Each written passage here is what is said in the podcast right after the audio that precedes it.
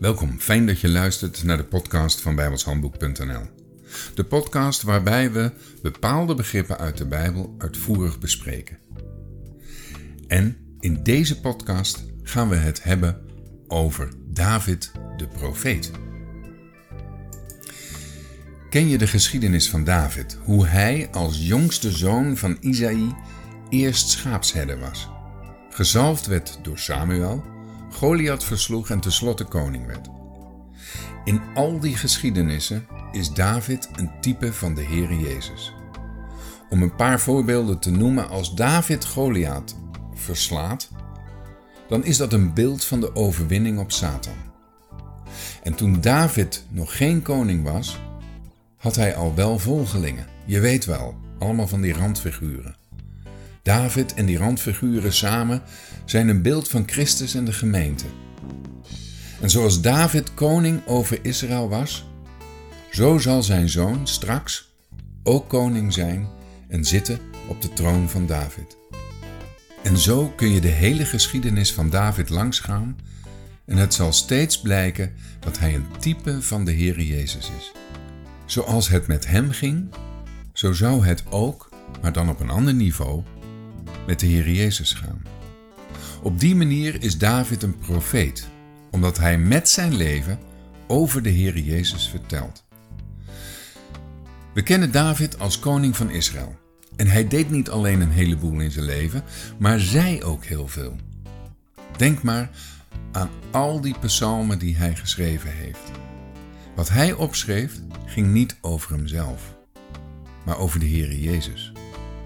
Zo kon men in het Oude Testament al uit de schriften weten dat de Heere Jezus eerst moest sterven, maar daarna zou opstaan. Petrus zegt daar mooie dingen over in Handelingen 2. Eerst zegt hij dat de Heere Jezus aan het kruis gehangen werd en gedood is, maar ook dat God hem uit de dood heeft opgewekt. En dan citeert Petrus Psalm 16. Handelingen 2, vers 27. Want gij zult mijn ziel in de hel niet verlaten, noch zult uw heilige overgeven, om verderving te zien.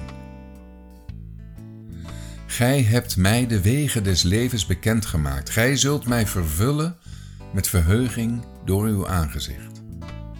Ja, uh, niets aan de hand zul je zeggen, dit zegt David gewoon over zichzelf. Hij had het immers ook best wel moeilijk in zijn leven. En dat is zo. Maar Petrus gaat dan verder in vers 29. Gij mannen broeders, het is mij geoorloofd vrij uit tot u te spreken van de patriarch David, dat hij beide gestorven en begraven is, en zijn graf is onder ons, tot op deze dag. Alzo hij dan een profeet was en wist dat God hem met ede gezworen had dat hij uit de vrucht zijner lenden, zoveel als het vlees aangaat, de Christus verwekken zou, om hem op zijn troon te zetten. Zo heeft hij, dit voorziende, gesproken van de opstanding van Christus.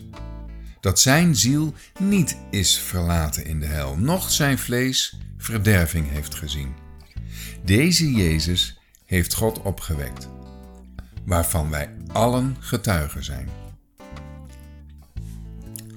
Als die psalm van David over David zou gaan, dan lag David nu niet meer in zijn graf, maar was hij opgestaan uit de dood. En dat is niet zo. David is dus een profeet. Als je wil weten wie de Heere Jezus was en wat zijn gedachten waren en hoe hij steeds vertrouwde op zijn Vader in de hemel, lees dan vooral de psalmen. En niet alleen Psalm 16, maar allemaal. Uh, dat hoeft natuurlijk niet in één keer, want dan ben je wel heel lang bezig. Maar het is wel belangrijk.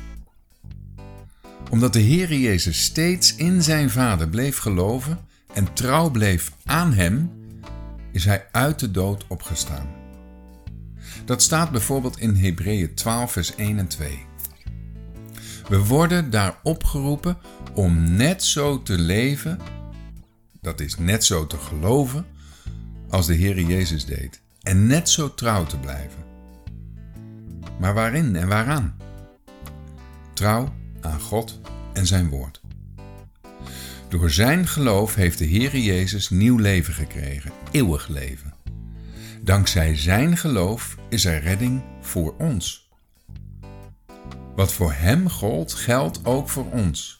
Namelijk dat je door geloof eeuwig leven krijgt. En met andere woorden, dat je door geloof wedergeboren wordt. De volgende keer behandelen we een ander begrip.